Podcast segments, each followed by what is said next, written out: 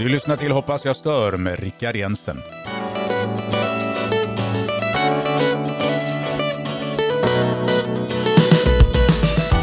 Mm, det är nästan, nästan, nästan så att jag har lite dåligt samvete över att jag har en sån här uppåt-låt i de här dagarna. Nu har jag den låten och jag vill inte ändra på den men annars så är det, jag menar, känslorna säger ju kanske någonting annat än den här typen av musik just nu. Åtminstone för egen del så lyssnar jag inte på sån musik. Eh, det är ju så här att det som händer i Ukraina, och för det är det det kommer att handla om, det påverkar, berör och väcker väldigt starka känslor. Jag tror hos alla av oss. Och där det är starka känslor så ligger det också nära till hands med starka ord som att jag hatar och jag avskyr och jag skulle vilja och så vidare. Eh, jobbar man med barn så hör man ofta ord och uttryck som ligger i den kategorin. Eh, jag vaknade en morgon för inte så länge sedan, det var faktiskt, jag tror att det var i början av den här veckan, så vaknade jag efter att då ha drömt om det som händer i Ukraina. Så vaknade jag med en tanke som var, och en fråga som var ganska märklig. Men när jag tänker efter så är den kanske inte så där väldigt märklig i alla fall. Ukraina målar in oss i ett hörn, åtminstone upplever jag det, att jag blir inmålad i ett, ska vi kalla det för moraliskt hörn, där frågorna är just av en moralisk karaktär. Jag går vidare i den tanken. De flesta av oss tycker att det är fel att döda. I alla sammanhang. När jag skulle göra militärtjänst så eh, valde jag att få göra den vapenfri som det het, hette på den tiden. Jag vet inte om det, den möjligheten finns fortfarande. Jag tror inte man gör någon eh, militärtjänst om man inte vill bära vapen. Men då skulle alla göra militärtjänst. Det här är ju många år sedan. Och då fick jag fylla i ett formulär där jag ansökte om eh, vapenfri tjänst. Jag blev uppkallad. Fick, jag vet inte om jag åkte. Jag tror jag åkte till Skövde. Jag bodde i Tenhult utanför Jönköping på den tiden. Där fick jag möta en utredare som eh, satte sig mitt emot mig. Han var trevlig vill jag minnas. Och så ställde han en massa frågor om varför jag inte ville bära vapen. Och så ställde han frågor som just målade in mig i ett hörn. Vad händer om du står med ett vapen i din hand och någon hotar att ta död på din familj genom att skjuta dem eller något sånt här? Vad skulle du göra då? Och då fick man liksom gå vända blicken in mot det här hörnet. Jag ville ju liksom inte döda någon för så var jag uppfostrad. Det var min moraliskt etiska uppfattningen, så gör man inte. Och så fick jag ju då säga ja, jag skulle kanske försöka skjuta honom i benet. Det som egentligen jag vände mig mot när det gällde den här med att göra tjänst, vapentjänst som det hette, det var ju det att jag vill inte lära mig, och det var de argumenten jag hade, jag vill inte lära mig hur jag tar död på en människa. Nu är det ju svårt att i en teoretisk situation veta exakt vad man skulle göra. Men de flesta av oss skulle i alla fall säga att det är fel att döda. Idag skulle jag inte välja vapenfri tjänst. Och det kan vara många anledningar till det. Jag har en egen familj, jag har fått ett bredare perspektiv, jag har fått mer erfarenhet, jag har sett mycket av det som händer i världen. Och eh, jag har en familj att försvara, jag har ett hem, jag har ett fosterland. Jag värdesätter den frihet jag får leva i och så vidare. Och så vidare. Och inte desto mindre så är det den här frågan man ställs inför när man gör vapentjänst och man går ut och försvarar sitt, sitt land som många gör i Ukraina nu. De flesta av oss, för att spetsa till det, tycker nog att det är bra åtminstone väldigt många av oss, samtliga riksdagspartier, till och med vänstern kom med till slut och tyckte likadant fast man röstade emot först. De flesta av oss tycker det är bra att vi skickar vapen till Ukraina för att de ska kunna försvara sig. Genom det så medverkar vi ju till att eh, ukrainarna får en möjlighet att försvara sig men också ta död på människor, eller hur? För det är det som händer i krig. Och nu har man ju också börjat att lyfta frågan om att vi, om vi inte ska skicka dit ännu effektivare vapen som kan slå ut en, en tank, en riktig rysk tank som anfaller. Och då blir det ju ännu starkare vapen. Det kan vi applådera, det kan vi tycka är bra, för Ukraina måste ju få försvara sig.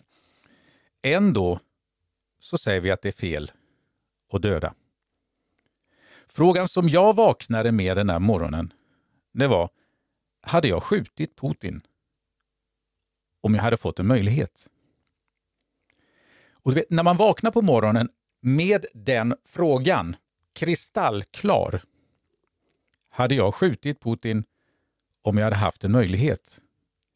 Den gick inte att värja sig ifrån. Då kanske du säger, ja men man hade kanske kunnat försöka prata och resonera med honom, gå ner på knä och vifta med en vit näsduk och säga jag är obeväpnad. Och, eh, mm.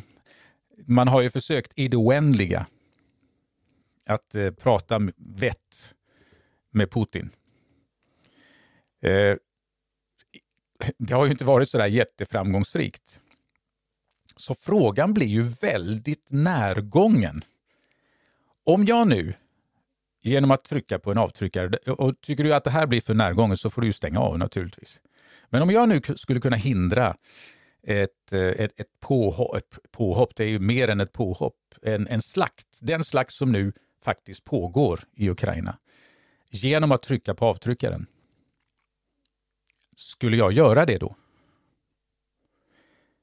Det är en svår fråga. Den är inte alls lätt att svara på. Men ändå så är det en fråga som vi inte kan värja oss ifrån. Är det rätt att skicka vapen? De här situationerna ställer nya krav, ställer nya frågor, målar in oss i olika hörn. Och vi kan värja oss, vi kan försöka att låta bli att svara på dem, men det tycker inte jag är speciellt ansvarsfullt. Jag kan inte säga vad du ska tycka. Jag har min brottningsmatch. Du har förmodligen din. Du har din bakgrund, jag har min. Jag har varit kristen i, ja, sen sju års ålder fattade jag mitt beslut att jag skulle bli kristen. Alldeles ensam, utan påverkan från mamma och pappa. Och jag har alltid försvarat det. Jag är ingen våldsam man. Jag hade, var inblandad sista gången i ett slagsmål när jag var 12 år vill jag minnas. På skolgården ute i Anderslöv. Då fick jag stryk. Han var bra mycket äldre än vad jag var. Men i övrigt så har jag alltid sagt att våld det är det största nederlaget som man kan uppleva om man inte kan behärska sig. Därför att man blir arg eller någonting annat. Men det här är ett helt annat perspektiv. Det är en annan dimension, en annan liga som man spelar i, tycker jag. Så frågan blir väldigt påträngande. Och jag vänder på den. Och gör dig beredd nu. Hur skulle du handla om du hade möjligheten? Finns inga lätta svar. Vad är rätt? Vad är fel? Om jag kan rädda så många människor som det rör sig om, om man tänker på utvecklingen som har varit nu och som kanske ligger framför också när det gäller Ukraina. Vad är rätt och vad är fel? Mig får det som nu händer i Ukraina, det får mig verkligen att tänka till. Att omvärdera Värdera det jag har, värdera det land jag har, värdera den frihet. Kanske också att bli mer generös, inte minst mot Ukraina. Det finns massvis med organisationer du kan skicka pengar till. Kanske kan delta aktivt med att samla in kläder eller vad man nu behöver. Det finns organisationer som jobbar med detta redan. Men gör gärna en insats där du har möjlighet. Barnmissionen har jag själv varit med och, och eh, bidragit till. En fantastisk organisation som har jobbat många år i just Ukraina. Jobbar mycket med barn där. Har gjort det i över 20 år, har folk på plats. Har en fantastisk administration som jag litar på till 100 procent. Men det finns också andra organisationer. Du väljer den du tycker passar dig bäst. Men låt oss tillsammans göra någonting av den praktiska sorten, äh, praktiska slaget. Ta den här tanken som jag skickade, den är obehaglig. Hur skulle jag agera? Skulle jag skjuta Putin? Usch vilken titel på en podd, eller hur? Det här är ju ett kort avsnitt, vi ska strax avsluta. Nästa gång blir det lite längre. Och eh, då hoppas jag att vi får... Jag hoppas att jag har gäster i min studio. Jag vet inte riktigt, det är inte riktigt klart vad den kommer att handla om.